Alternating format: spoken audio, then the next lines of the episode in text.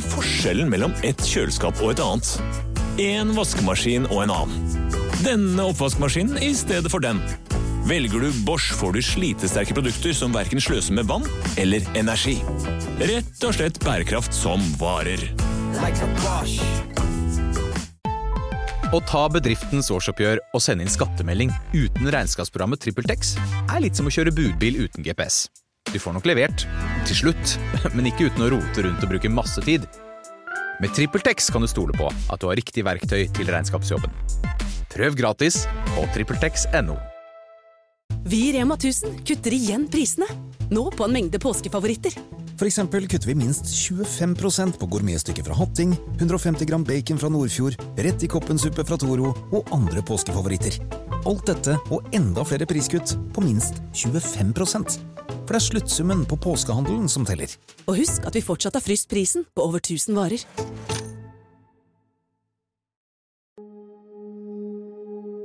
Hva gjør noen til kriminelle mens andre velger å bli politi?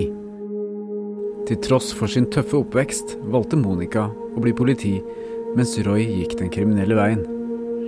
Hva gjør at bror og søster velger så forskjellige retninger i livet? Dette er andre og siste episode om Roy og Monica.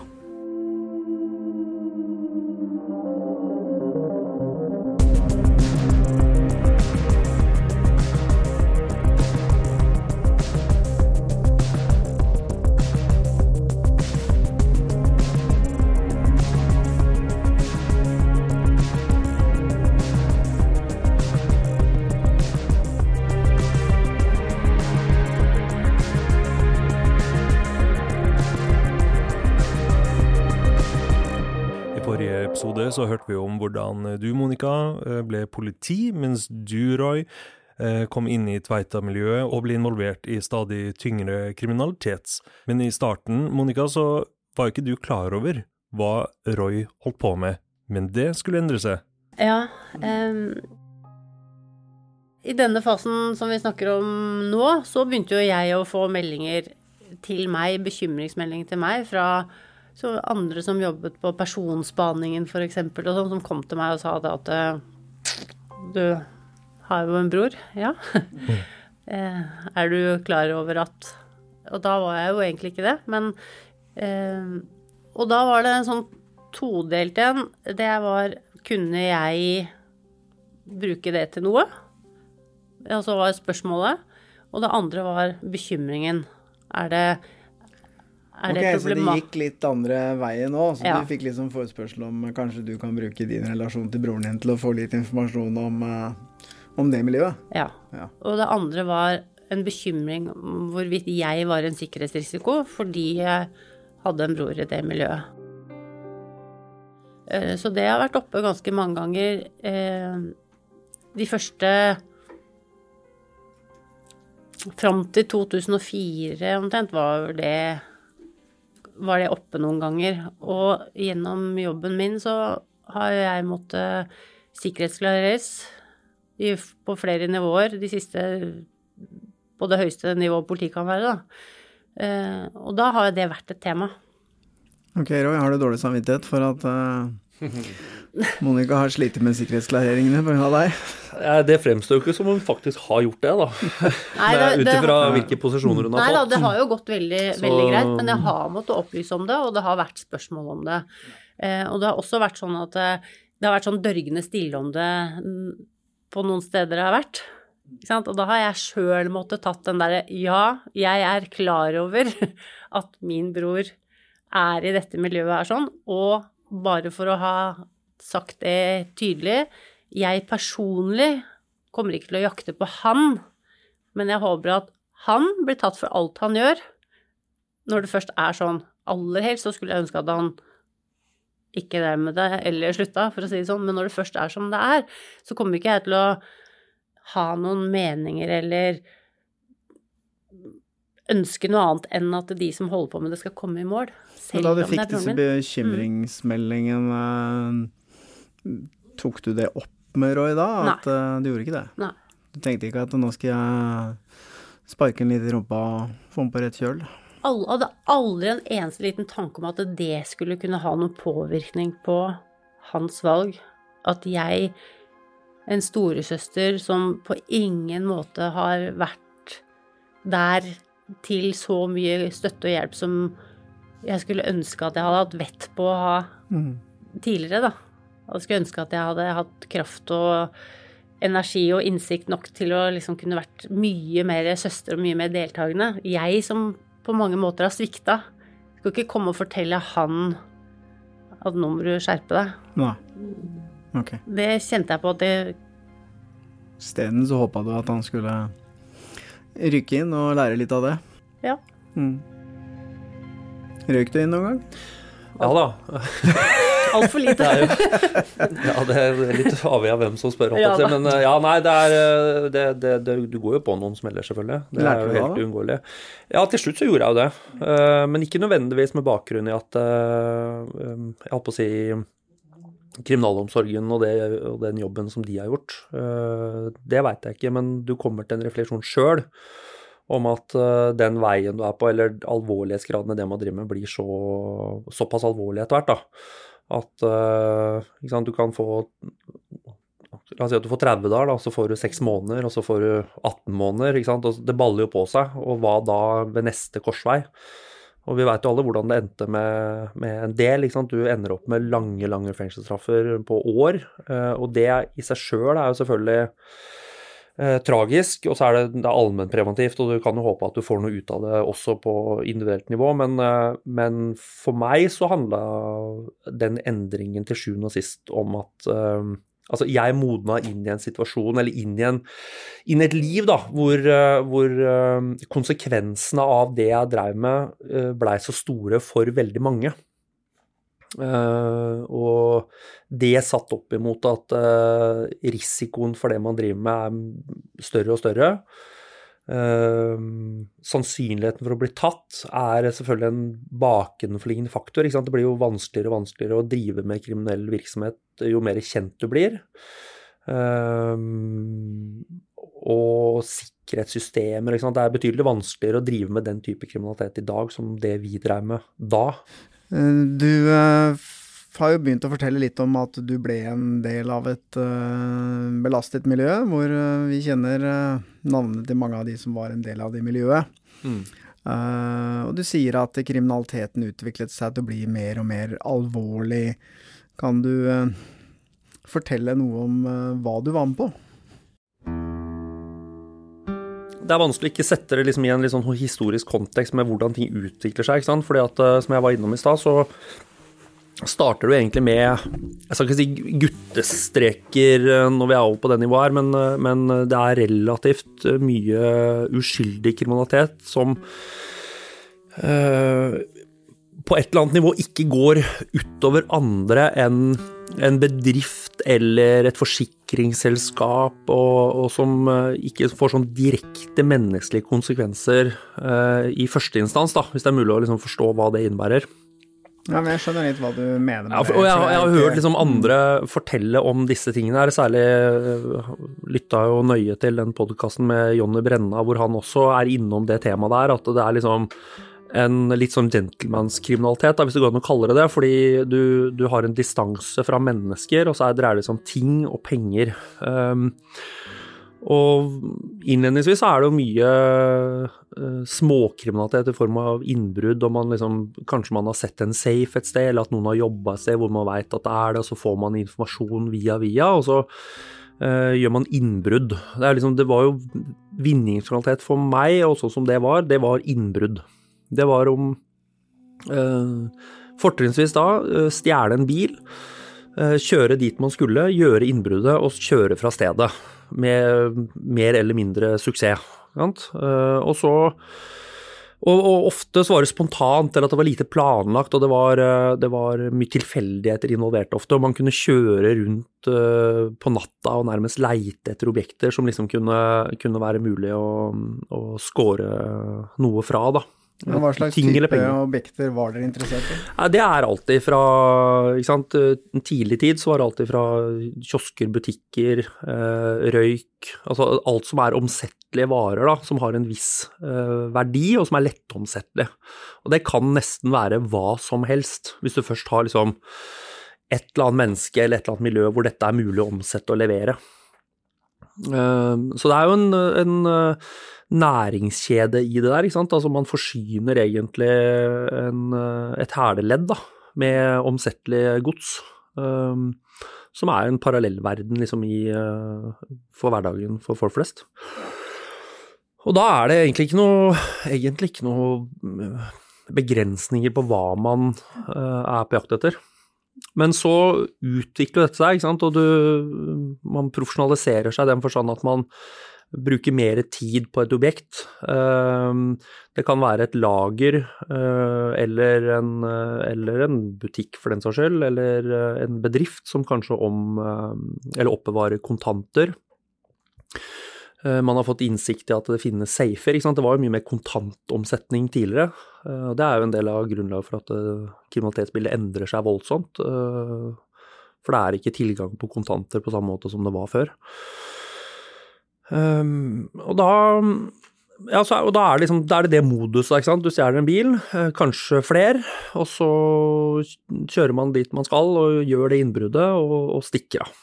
Um, og så er det jo noen varer som er veldig lett tilgjengelige. Um, hvor du egentlig starter med disse sjokkbrekkene. ikke sant? Der risikoviljen er større. Er, du forsvinner ikke i nattens eh, mulm og mørke og liksom prøver å ikke etterlate deg spor. Det er jo snarere tvert imot. Men Kan ikke du beskrive hva et sjokkbrekk er? Ja, da er det jo å rygge eksempelvis en bil inn i et butikkvindu, da. Og løpe inn, ta alle varene du kan uh, som har en viss verdi, og hive dem i bilen og kjøre.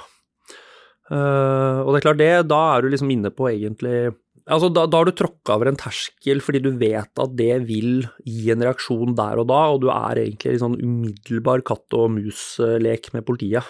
Uh, og det har jo i mange sammenhenger resultert i uh, Kall det politiakter, ikke sant? hvor du egentlig blir nesten tatt med henda i, i matfatet, og så stikker du. Og det er klart, da har du, da har du etablert en konfrontasjon med politiet som også, tror jeg, trigger en, eh, trigger en eh, nerve hos politiet. Eh, for det å bli ringt liksom når herr Hansen, bedriftsleder, kommer mandag morgen og sier at her har det vært innbrudd, og så sender man to etterforskere hvis man gjør det, og så holder man på det sånn, det er liksom den ene biten. Og så har man den direkte konfrontasjonen som, som i mye større grad blir ut av et type sjokkbrekk, da.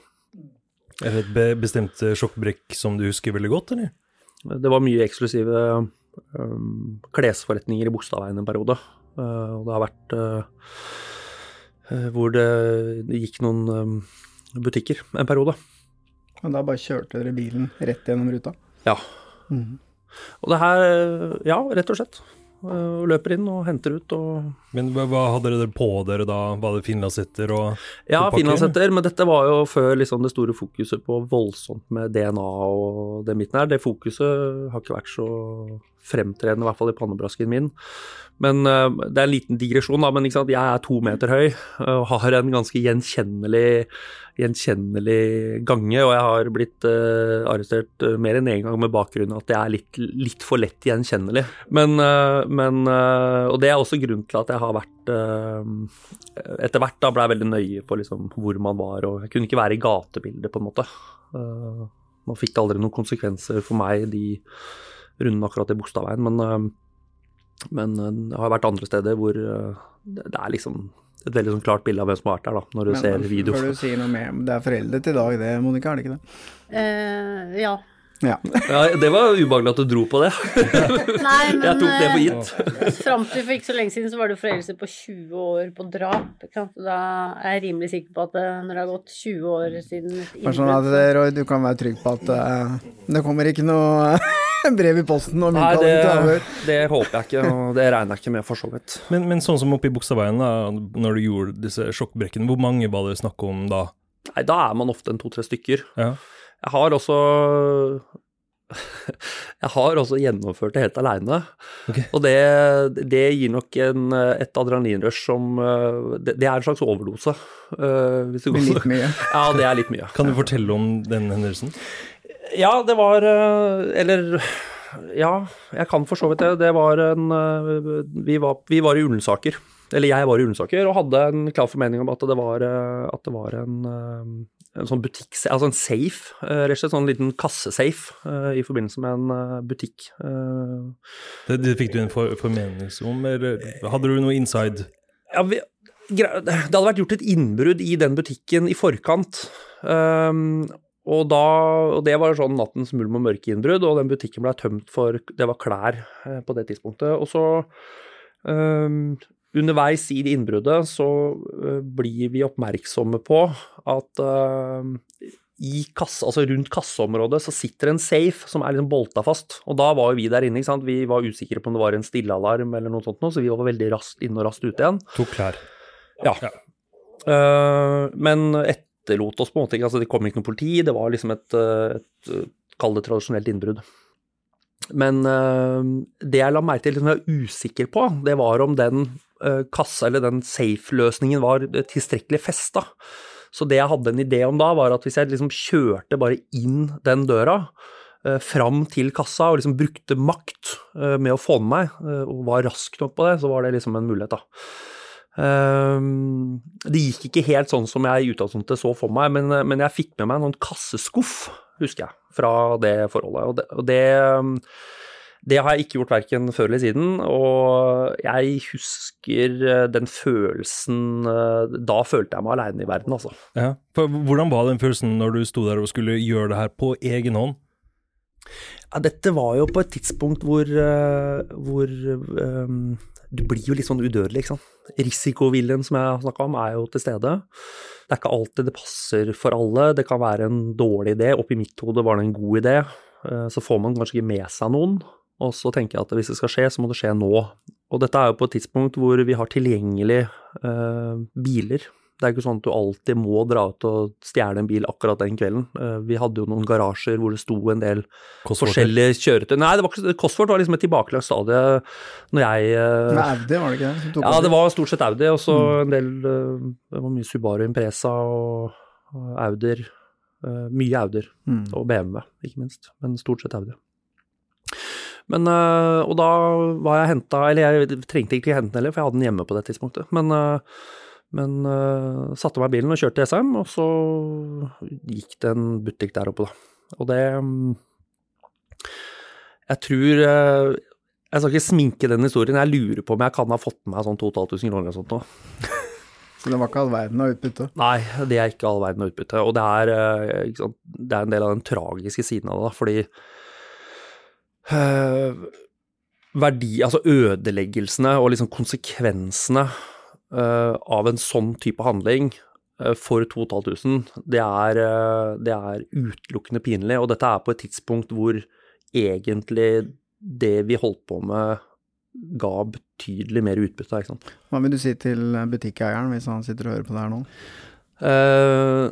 Jeg vet ikke om det blir, det blir sånn fånytt å sitte og beklage det 20 år etterpå eller 30 år etterpå. Det er liksom Eh, det, det, må være heller en sånn generell uh, beklagelse til samfunnet av det virket jeg driver med nå, tenker jeg. Jeg, jo, jeg, jeg får tro og håpe at vi kommer litt innom det etter hvert, men jeg prøver jo på et eller annet vis å gjøre opp for en del av, av den dritten som jeg har forårsaka. Og det er jo ikke Nå blir det jo litt mer offentlig enn det Det er mange som veit hva jeg driver med, og mange som liksom kjenner min historie, men nå blir det jo litt mer offentlig som sådan. Og kan jo kanskje være med å um, gi en noe større forståelse av hvorfor jeg prøver å bidra litt f.eks. i eget nærmiljø og litt ungdomsarbeid og en del sånne ting.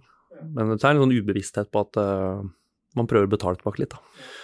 Nei, så, så samfunnskostnaden for de tinga jeg, jeg driver med, er uh, enorm. Uh, og så håper jeg at jeg bidrar tilbake nå, da. Men, det, men det, det er, var, du spurte om enkeltepisoder. Det der er en sånn fjollehistorie, for å kalle det det. Jo, jo, men det er jo interessant å høre litt ja. om hva du har vært med på. Men før vi snakker mer om det, jeg beit meg litt merke til at dere i disse sjokkbrekkene så ble det litt sånn katt og mus-lek mm. med politiet. Og jeg husker vi snakka med en, ikke her faktisk, men en annen setting, en som også var en del av dette miljøet. Og han fortalte at det blei litt sånn sporty å, å vente på politiet for å kjøre fra dem, da. Det var liksom ekstra gøy å, å, kjøre fra politiet. Det, opplevde du noe sånt? Ja da, jeg har det. Eh, ikke at vi har venta på noen, men vi har heller ikke vært eh, redd for å eh, ta de veiene hvor det opplagt er stor sannsynlighet for at du treffer politi. og det Man blir jo fascinert sant, av eh, det man både mm, Hvordan ser ordlegget meg? Jeg vet ikke om noen har sett, eh, sett eh, Getaway in Stockholm. er en liten sånn eh, filmsnuttserie som ligger på YouTube. Og det er jo det fenomenet der hvor du kjører raske biler og, og oppsøker politiet i Stockholm sentrum, uh, og har politijakt. Uh, og det har nok vært en inspirasjonskilde for, uh, for, mange. Og så har det ikke alltid gått bra, da. Det hender jo at det, At det går det går gærent. Mm. Og det er jo alltid fra tragiske ulykker til at man faktisk blir arrestert. Men det har vært en Det var en holdning eh, ganske lenge hvor man tenkte at man var litt sånn udødelig, og det gikk bra. Og jeg har jo bulka min del av biler og taka min andel av biler. Og jeg har aldri egentlig vært noen særlig god sjåfør, så jeg har liksom sittet på med mange som har vært gode sjåfører. Men eh, det, var, det var en periode hvor det var ordentlig actionfylt, altså. Rett og slett. Uansett hva man har sett på av film og liksom hører i, i fiksjon. Eh, virkeligheten overgår fantasien eh, nesten alltid. Eh, og hvis man liksom går inn på detaljer på episoder som har skjedd, liksom, så, så sitter folk bare og rister på huet, for at de skjønner ikke at det er mulig. De tror ikke at det er mulig. Men eh, det, det var ordentlig sirkus en god periode, med liksom katt og mus i politiet, eller i Oslo med politi og røver, altså. Så, Men har du noe godt Har du en historie du kan fortelle som understreker det? Ja, altså Jeg kan Ja, jeg kan Vi, har, vi hadde en um, Vi hadde en BMW M5 tilgjengelig en god periode, som blei henta i kjelleren på Egil Stenshagen um, på Skøyen. Og den var i Det var egentlig flere grupperinger av det miljøet her som hadde tilgang på den bilen, og den ble stjålet flere ganger. Og jeg tror også han ble stjålet fra uh, hverandre. Uh, fordi noen da hadde fått fatt Og dette var et monster av en bil. Um, og uh, den bilen var gjenstand for noen politijakter i Oslo og Follo-området som, som, du ikke hadde greid å skrive manus i, rett og slett. Um, jeg har sjøl vært med i den bilen som passasjer i over 300 km i timen på, på strekka opp imot Klemetsrud fra skisida, eller altså på E6-en der. Uh, og da, i den settingen her sånn, så jeg tipper Hvis jeg husker riktig, så lurer jeg på om vi telte 13 politibiler som på en måte var uh, i det området. Uh, bilen i seg sjøl hadde ikke vært brukt til noe kriminell aktivitet den dagen, men den var karakteristisk. Den hadde gule frontlys, og den var veldig lett å kjenne igjen. Uh, og den var politiet veldig oppmerksom på. Og dette er nok en historie som uh, Jonny Brenna kan uh, fortelle fra sitt perspektiv. men jeg, fra mitt, så var det Det var tre timer med politijakt. Oslo sentrum, Follo, fram og tilbake. alle stikkveier. Kolbotn, Bjørndal, Holmlia. Altså kjempesirkus. og ingen ble arrestert. Og bilen blei borte, fortsatt. Så det er liksom noen sånne, sånne, episoder som du husker veldig godt, da. Og så er det Jeg syns det er Jeg blir litt sånn lattermild av å fortelle historien, eh, samtidig som du har den der underliggende skammen sant, over at du egentlig, i perspektiv, 300 km i timen, fram og tilbake på en uh, trafikkert uh, E6, masse politibiler involvert, potensiell dødsrisiko for både sjåfører og medvirkende og alt mulig. Så jeg, liksom, Jeg minner meg sjøl på det når vi liksom innimellom da treffer gamle, gamle kompiser og liksom begynner å prate om gamle historier, så minner jeg meg sjøl på at jo da, det var gøy, det var mye gærent, men det har kommet med en pris, da. Det er jo ikke alle som ikke alle som lever heller, for det, det går jo på et eller annet nivå, på et eller annet tidspunkt, så går det til helvete med alle som er i det miljøet uh, over mange, mange år. Så det er to måter ut av det. Enten så er du liksom i fengsel, eller tre, da, det er fengsel. Så er du, vel så må du ut av det, sånn som jeg valgte. Um, så kan man gå inn og ut av fengsel hele livet, men det, og det er kanskje den mildeste formen, men um, ja. Ja, altså ikke minst andre trafikanter også. Ja, definitivt. Kan fort bli rota inn i det samme greiene. Men på det tidspunktet her, eh, da var vel du ferdig i Uropatruljen, Monica? Ja, da hadde jeg begynt på det som den gang het analyse, um, som i dag heter skjult etterforskning.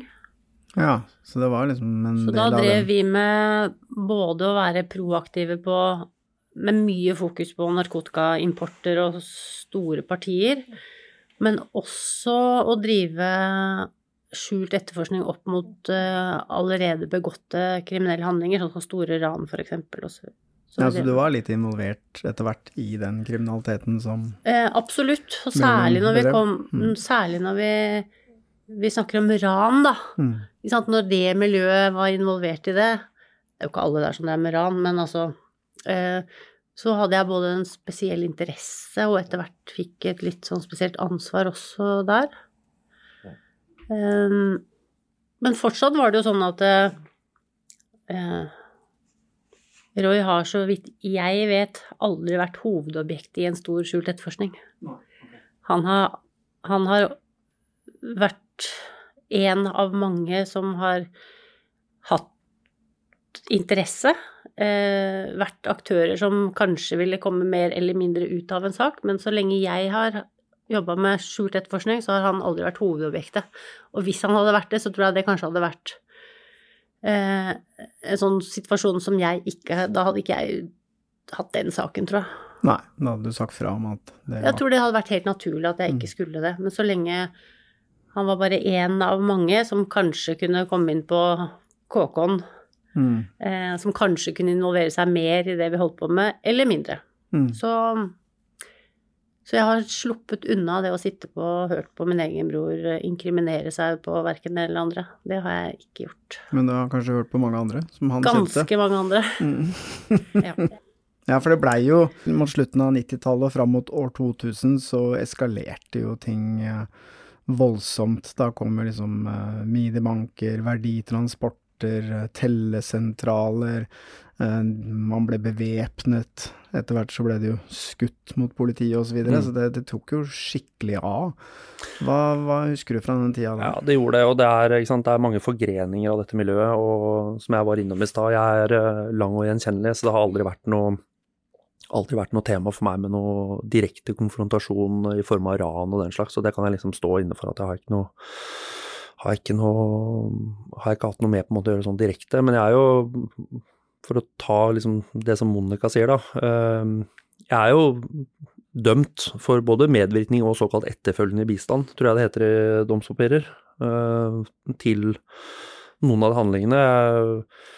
Så jeg har jo eh, på mange måter sittet tett på, men samtidig så blir du veldig i periferien, da, fordi at eh, de som faktisk utøver selve ranet, det er jo en veldig liten gruppe mennesker, til sjuende og sist.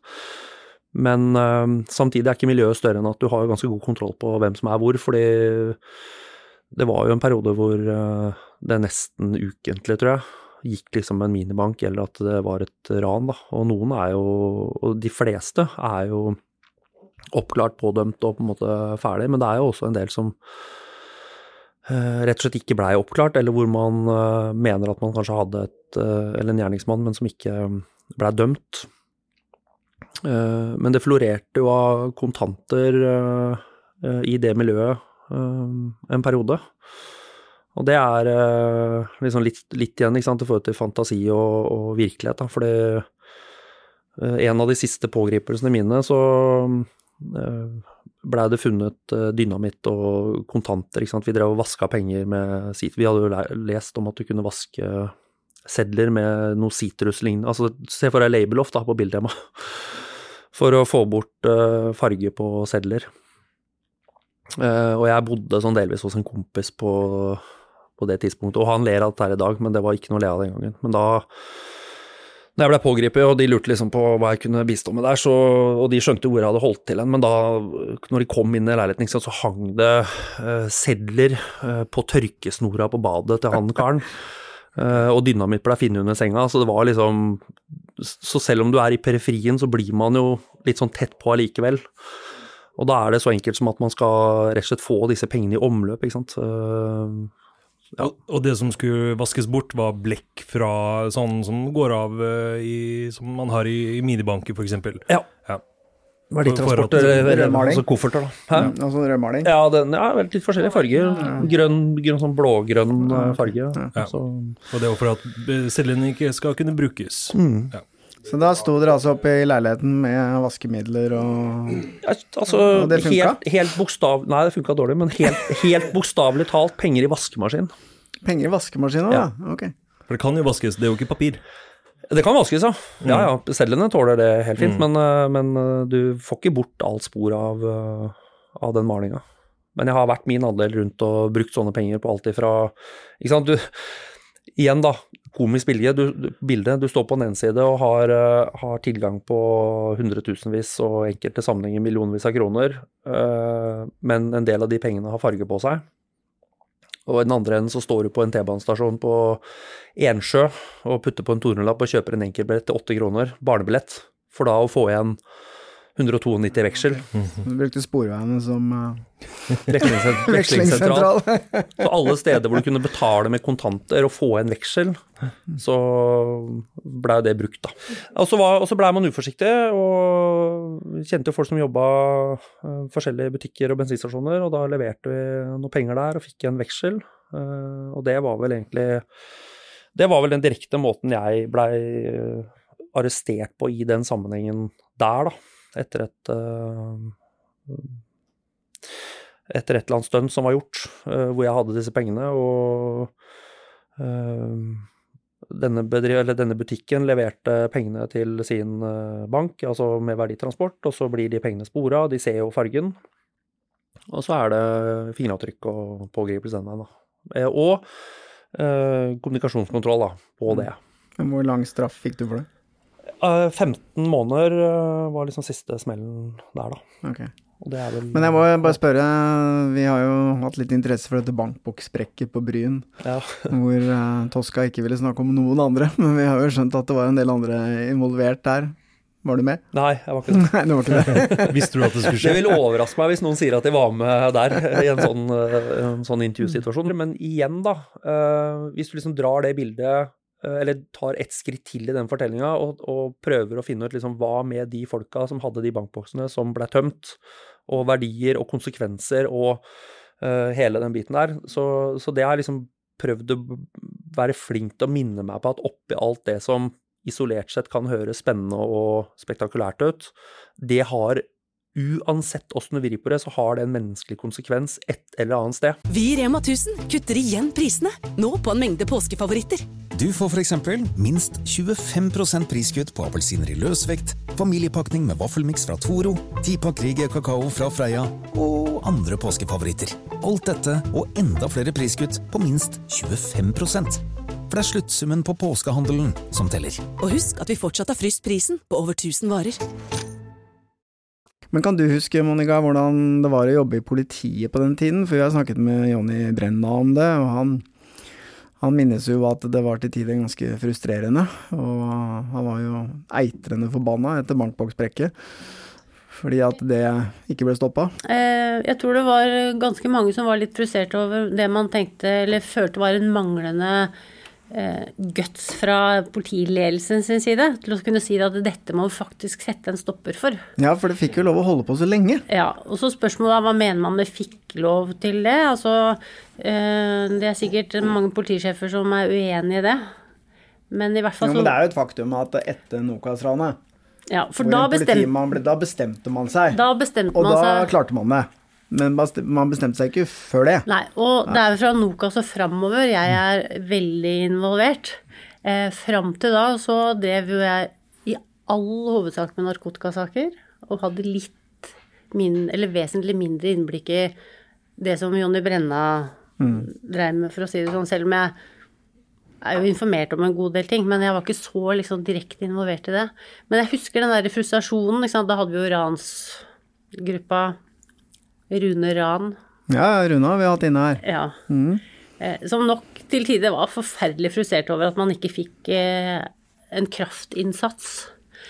Eh, Og min opplevelse, den er jo også selv når det var det anslaget mot Postgirobygget mm. måneder 2003. før. Mm. Selv det fikk liksom ikke politiet til å våkne ordentlig.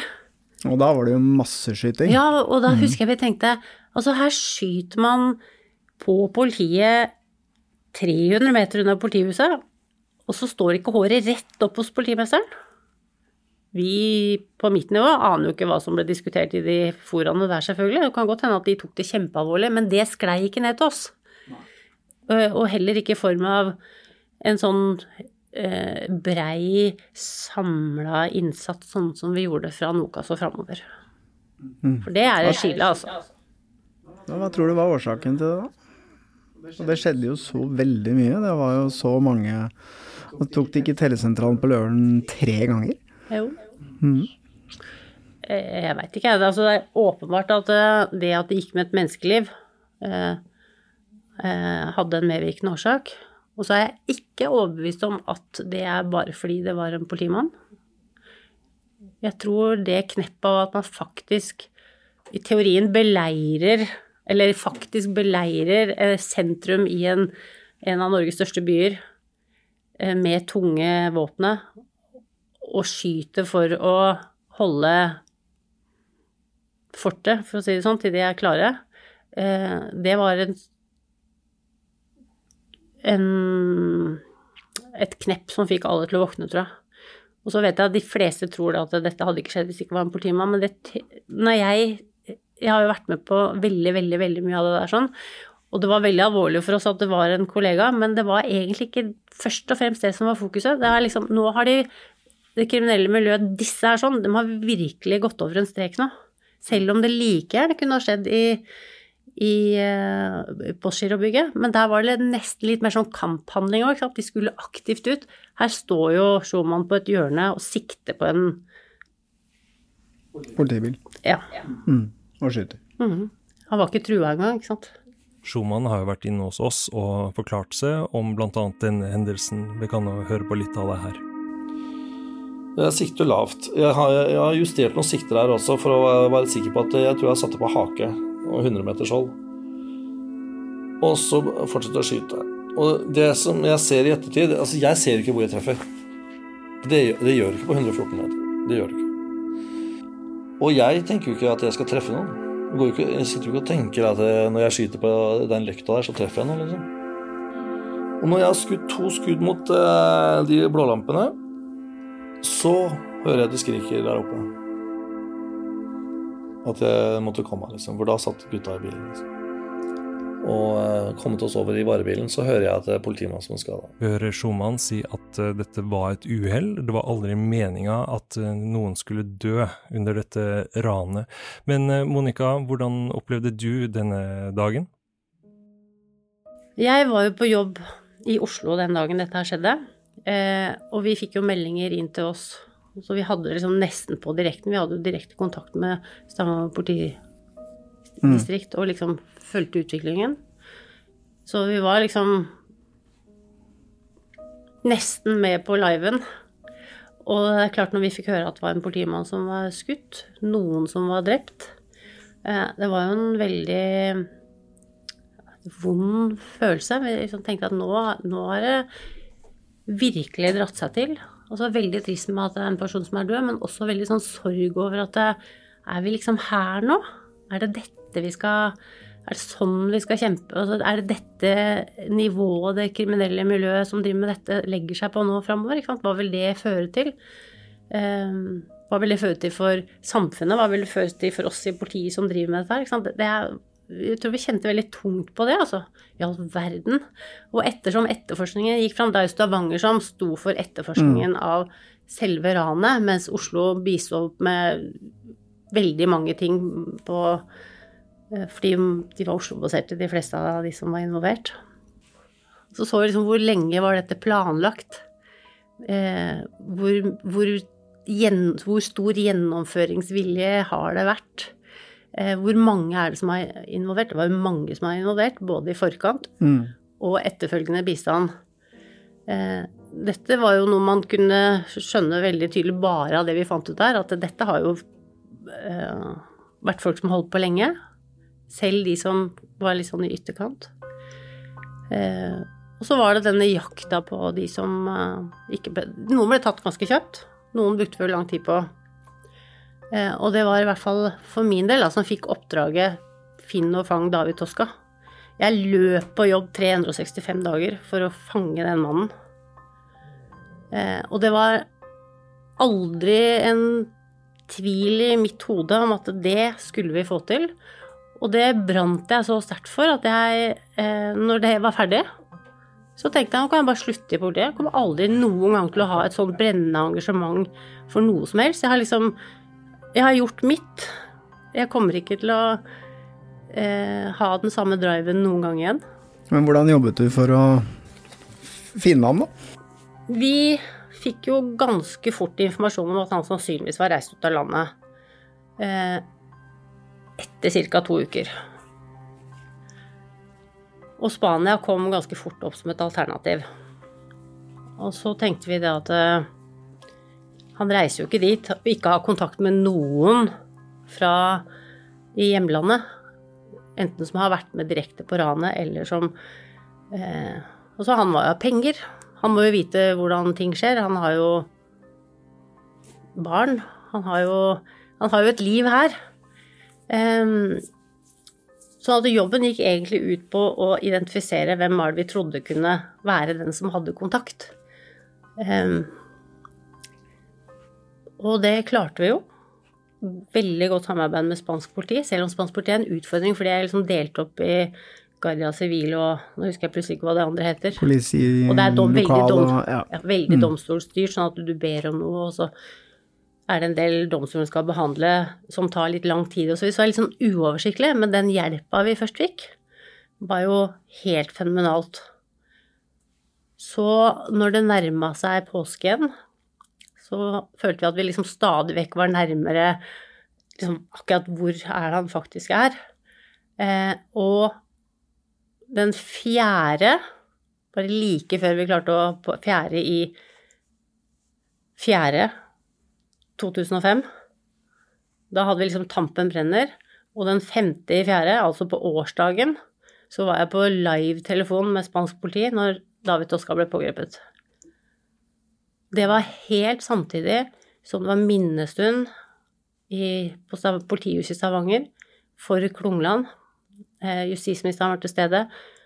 Alle sto rundt i trappene og så ned på det fellesrommet, eller hva heter det, foajeen. Så jeg. Mm. Og det var jo minnetaler og, og så videre. Og så tenkte jeg, jeg kan ikke ringe nå midt i det. Jeg kan jo ikke ikke ringe midt i det. Så jeg fikk tak i en som da begynte å sende tekstmeldinger rundt til alle, og den der stemningen som var der, folk liksom gråt jo av lettelse og alt som var. Mm. Og den følelsen å sitte i Oslo da og ha bidratt til det, er helt ubeskrivelig. Og så helt tomt. Ja. Litt sånn antiklimaks. Åh, antiklimaks. Hvordan holdt. fant du tilbake til motivasjonen for å, Jo. for å ha jobbet eh, videre i politiet? Eh, vi hadde jo noen sånn gan ganske interessante, relativt hva jeg vil kalle vanlige saker, eh, hvor vi proaktivt jobba mot narkotikainnførsel osv. Men så kom lykken var at jeg ble spurt eh, eh, sammen med noen få andre om jeg ville jakte på utbytte etter Nokas Oh, ja. og finne Munch-maleriene. ja, for de ble jo tatt eh, året etter. Nei, Munch-maleriene ble tatt i uh, husker jeg ikke datoen, faktisk, men i august august 2004. Så fikk i hvert fall jeg og noen andre oppdaget Jeg snakker jo om meg, da, så jeg Mm. sier jeg, men jeg var selvfølgelig ikke alene om det. Eh, og det tente jo flammen på nytt, for å si det forsiktig.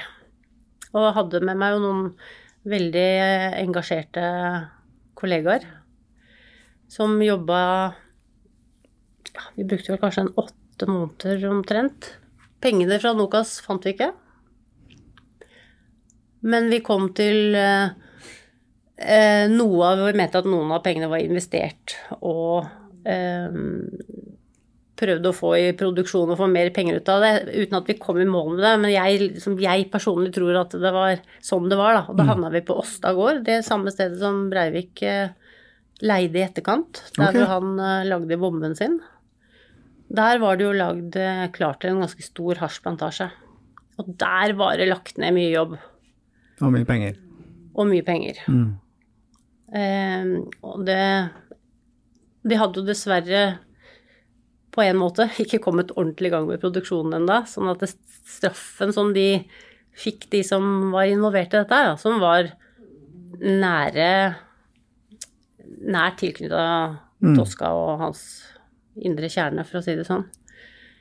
Så der var egentlig trøsten min litt, da, at vi fant ut hva slags jobb som de hadde gjort der. De har slitt i fett, altså, for å få til det. Det er stjålet en heis på en byggeplass.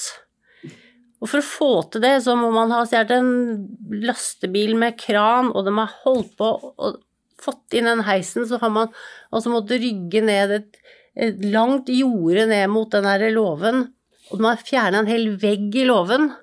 Og for å satt inn den der heisen og bygge på det igjen, og du kan se av sporene på jordet at det, det, her har det vært glatt og sleipt, ikke sant. Så de har jo strevd vannet av seg for å få den der lastebilen opp igjen på veien. Som en av mange ting de har styra med på den gården her. Og da finner jeg litt trøst i det, at de har i hvert fall måttet jobbe for, uh, For ingenting. for ingenting. Der og da. Fikk lagt ned den plantasjen før han kom i full drift. Ja. Mm. eh, eh, og så kronen på verket var jo egentlig at vi, at vi fant eh, maleriene. Mm. Og det er også en sånn litt sånn rørende stor hendelse for meg, å få stå med de maleriene i henda. Nasjonalskatter. Nasjonalskatter. Mm. Ringe til daværende fungerende direktør og be vedkommende komme til politihuset. Se henne stå, vi åpner bakdøra på bilen, liksom For vi var jo ikke sikre på om det var de ekte før. Og hvordan hun bare Tårene bare spruter. Liksom skattene er hjemme igjen. Den følelsen der sånn, det var ganske stort, altså. Det er jo liksom noe fascinerende med den historien om en jentunge som løper gatelangs uten særlig tilsyn av voksne mange år senere, er den som finner tilbake Norges nasjonalskatter. Det er jo noe fint ved det. Ja, det er det absolutt. Og så er det en liten komisk side i det hele òg, fordi at det, vi hadde jo beredskapstroppen som transporterte maleriene inn for oss, fordi at det, det kunne jo være mulig at noen holdt mer oppsyn med dette enn vi visste, og at det kunne Vi ville unngå at vi kom i en eller annen form for konfrontasjon, da. Mm. Eh, som vi ikke kunne håndtere. Eh, så derfor så kjørte jo beredskapstroppen disse her inn for oss i skuddsikker bil. Og da kom jo politimester Gjengedal ned, for han ble jo varsla om at nå er skatten i bakgården. Så går han bort og håndhilser på hver enkelt beredskapstroppmann og sier tusen takk for innsatsen. Så står vi i den gjengen som har jobba med dette her rundt i åtte måneder, og som egentlig har æren for det, da. Og bare, ja. Takk skal du ha. Ja. På det tidspunktet der òg, så var vel du ute av det? Ja, jeg var det i all hovedsak. Mm. Jeg starta på en eh, lærerutdanning i 2002, høsten 2002. Så jeg gikk på Høgskole Telemark, Notodden. Men hva tenkte du, som på mange måter hadde vært en mindre del av en gruppering tidligere, hva, hva tenkte du da dette ranet skjedde og Det var en, det var jo vært en eh, opptakt, ikke sant. For, for meg så er liksom første erindring av 97-98, eh, med alle verditransportrana. Enebakk som kanskje eh, Starta ballet? Ja, som starta det litt sånn ordentlig. Dette Enebakk-ranet var jo tre karer som rana en Securitas-transport i Ytre Enebakk i 1998. 15 millioner fikk de med seg. Én person ble tiltalt, men eh, ble frifunnet. Og den dag i dag står jo det ranet offisielt som eh, uoppklart. Og det var en katalysator for veldig mye annet, fordi at man eh, Det var så stort utbytte, og, og det viste at det faktisk var mulig I hvert fall så ser det sånn ut, da. At det er mulig å slippe unna med det, på en måte. Så det var nok en, eh, en katalysator for mye. Og så det ene tok det andre. Og eh, som jeg var innom i stad, ikke sant. Jeg eh, er jo straffedømt i, i sfæren rundt det. Uh, og hadde jo liksom tenkt at dette det må være starten på slutten på noe, fordi at eh, det blir såpass alvorlig. Jeg slapp ut av fengsel, eller jeg satt rundt uh, årtusenskiftet. da sitter du et år da, på en sånn dom. Og så um, starta jeg på Høgskolen Telemark i 2002. Og da var det jo en del aktiviteter, og jeg fulgte jo dette fra sidelinja. Uh, og da er det jo med et blikk om at det er spektakulært og spennende. Uh, og så er det en sånn voldsom lettelse over at det er ikke noe tema at noen ringer meg, på en måte. Eller at de liksom Nei, for de fikk ikke noe forespørsel om å være med på noe av dette? Nei, nei, nei, nei ikke i det hele tatt. Og det, dette er et så lite tett miljø som liksom er utførende på det. Og jeg var liksom ute av det på mange måter. og Eh, det blir også en liksom gradvis nedtrapping, for du, du må akklimatiseres også en, et sånt miljø. da. Eh, færre og færre kontaktpunkt, eh, mindre og mindre aktiviteter sjøl. Og jeg var ikke helt stuerein når jeg starta på høyskolen, men jeg hadde allerede da jobba litt innafor skoleverket som vikar. Hadde vel fått en slags idé om at jeg skulle prøve å bidra til at en del av de ungdommene som eh, ikke er så takknemlige for skoletilbudet, kunne få noen andre impulser. Så jeg blei liksom litt sånn dratt inn i skole. Så jeg, så jeg starta på høyskolen i 2002 og vaska liksom sakte, men sikkert av meg det miljøet. Uh, og tror jeg kom ganske greit ut av det. Uh, men så var det en episode vinteren Eh, altså før vårparten i 2004, hvor, eh, hvor jeg hadde eh, bidratt til at det blei borttatt noen snøscootere og noe greier på et fjell over Rjukan eller Hardangervidda. Um, så i forbindelse med Nokas-ranet så og da er det jo, som Monica er innom, ikke sant? Det, det, det, går opp et lys da, for politiet om at nå er det kanskje på tide å virkelig sette en stopper for dette miljøet. Og absolutt, i hvert fall i mitt hode, absolutt alle som på noe som helst tidspunkt hadde hatt noe med noen av de antatte gjerningspersonene her å gjøre, de blei jo eh, sett i korta og, og eh, litt sånn delvis etterforska. Hvor var du på det tidspunktet? Hva var faktisk eh, Hva var dine omgivelser på det tidspunktet?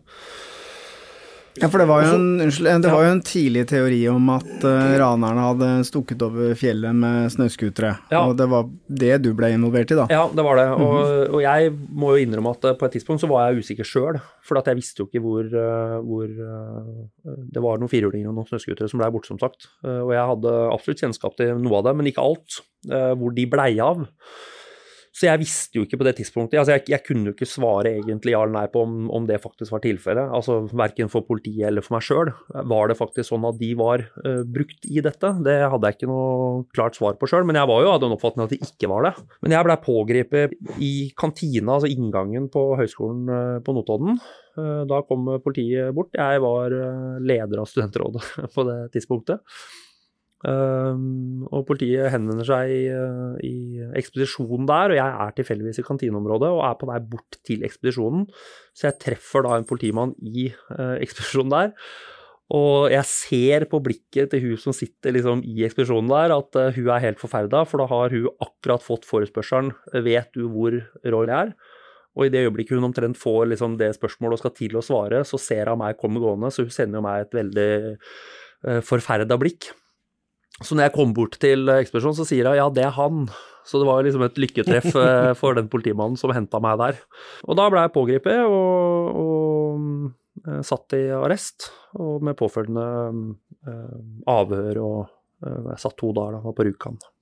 Og, og, da ble jeg etter hvert, da, fikk jeg forståelse av at det var en teori om at de snøscooterne var brukt uh, som en del av en flukt fra Nokas. Mm. Og da får jeg jo den smekken jeg får for det forholdet isolert sett, som selvfølgelig er, eh, det er et eh, mindre alvorlig forhold, og jeg tror jeg satt 30 dager på SEM, var det vel. Og det er liksom siste biten jeg hadde med det å gjøre. Men det understreka jo for meg på det tidspunktet veldig at det valget jeg tok egentlig en to-tre år før det, var sunt, da. Men det er som jeg sier, du bruker litt tid på å vaske av deg det miljøet og den tankegangen og øh, ja, Si, det moralske kompasset, det må liksom, du må justere det en del, altså. Jeg tenkte på en ting i stad, for at uh, denne filmen Heat Mm. som kom på slutten av 90-tallet med Robert De Niro osv., osv. Det har liksom blitt hevdet at det var en sånn eh, litt sånn opplærings-motivasjonsfilm for eh, disse, dette miljøet, da var det det? Ja, det tror jeg helt klart. Det er, Hæ? Ja, det kunne vi høre på KK. Du kunne høre på Han KK, ja. brukte ord og uttrykk fra Ja, den ikke filmen. sant. Jeg har jo ikke hørt den kommunikasjonskontrollen som Monica prater om, men, eh, men det er ikke noen tvil om at eh, det er ganske mye, mye film som har vært eh, Om ikke sånn direkte inspirasjon, så har man det med seg likevel. Og Heat er jo en av de filmene som de aller, aller fleste har nok satt veldig høyt opp lista over liksom en favorittfilm. da. Så bevisst eller ubevisst. Jeg hørte tall om at det forsvant noe sånn som 300 millioner kroner mellom 98 og 2004. Uh, hvor ble det av alle disse pengene da? Ja, Det er et godt spørsmål. Det er mye penger. Ja, det, er, det er nok noen som har greid å om, å si, omsette de pengene på en sånn måte at man uh, sitter brukbart i det i dag. Noen har nok det. Men for, for min egen del, da, det er jo liksom, igjen ta bort den romantikken rundt det. Jeg har hatt mye penger mellom hendene, jeg. Men du verden hvor mye penger jeg har søla bort. Og det er jo ikke sånn at du i den situasjonen jeg var i Jeg jobba riktignok litt innimellom. Jeg har jobba i døra noen år eh, i den perioden der og liksom hatt liksom noe eh, Kall det skattbar inntekt. Men, eh, men du kan jo ikke bruke liksom de penga på å betale avdrag eh, på lånet ditt eller kjøpe deg en bolig eller noe sånt. Det- går til å kjøpe bil, du er på fest, du er på turer og er konge på haugen, da. Den Mm. lille haugen, da, riktignok.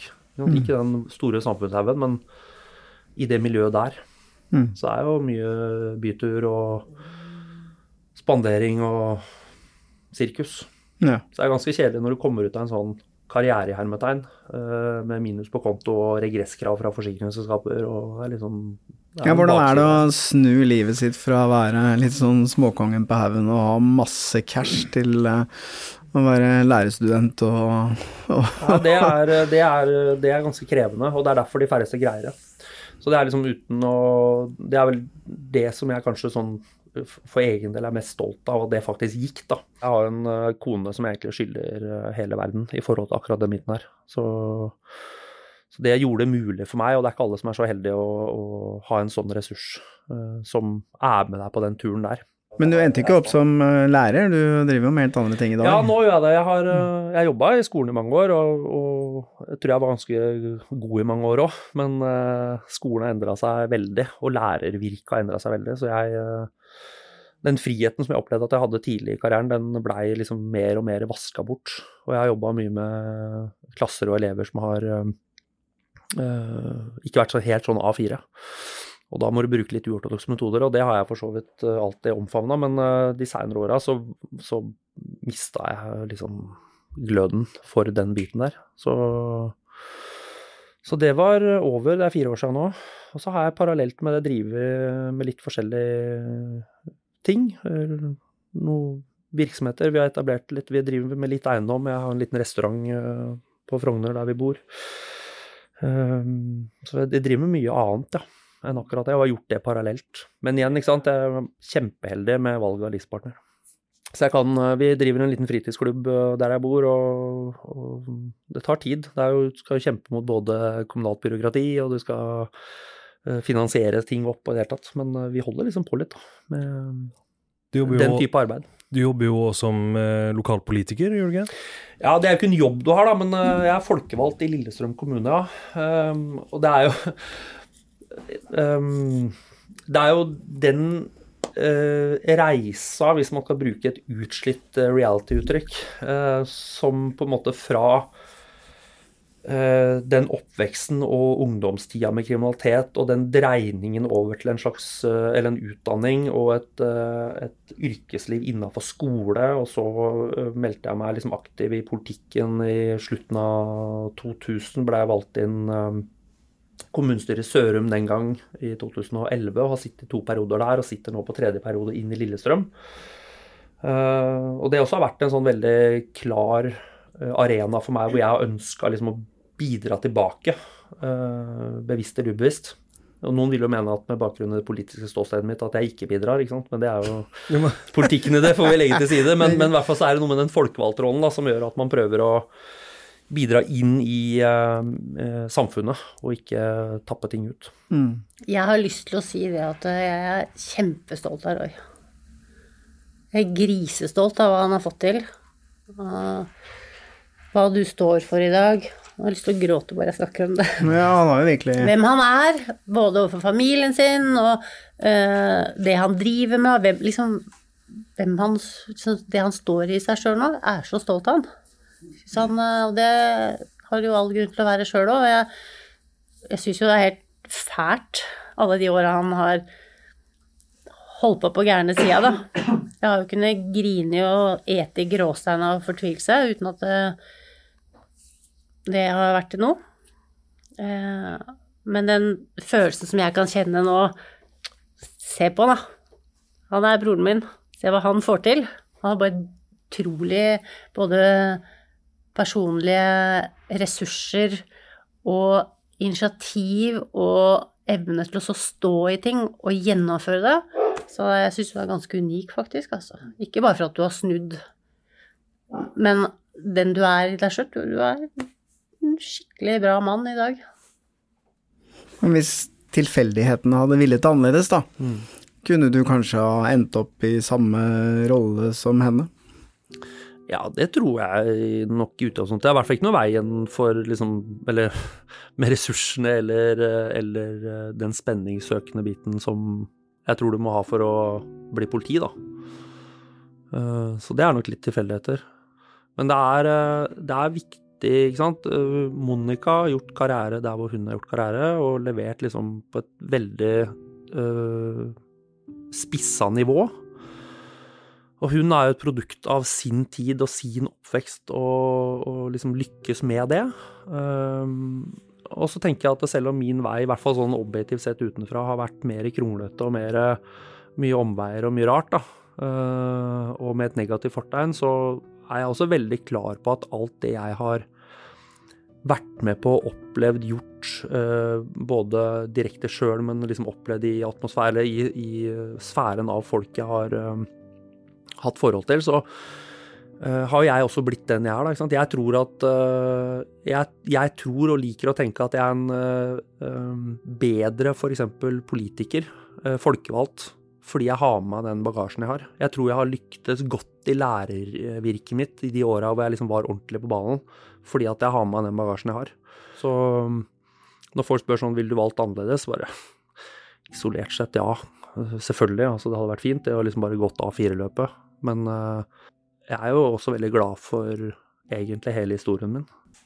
Tusen takk for at dere begge to uh, kom hit. Det er jo utrolig fascinerende å høre på deres historie. Dere har eh, fulgt hver deres tid i livet, og når det gjelder det her med arv og miljø, så er det kanskje ikke så svart-hvitt som man ofte tror. Avhørt er produsert av Batong Media. Redaksjonen vår består av Stein Morten Lier, Helge Molvær og Lars Christian Nygårdstrand. Temamusikken vår er laget av Georg Roaas, og du finner oss på Facebook som Batong Media. Hør eksklusive episoder av Avhørt på Podme. Gå inn på podme.no, eller last ned appen Podme.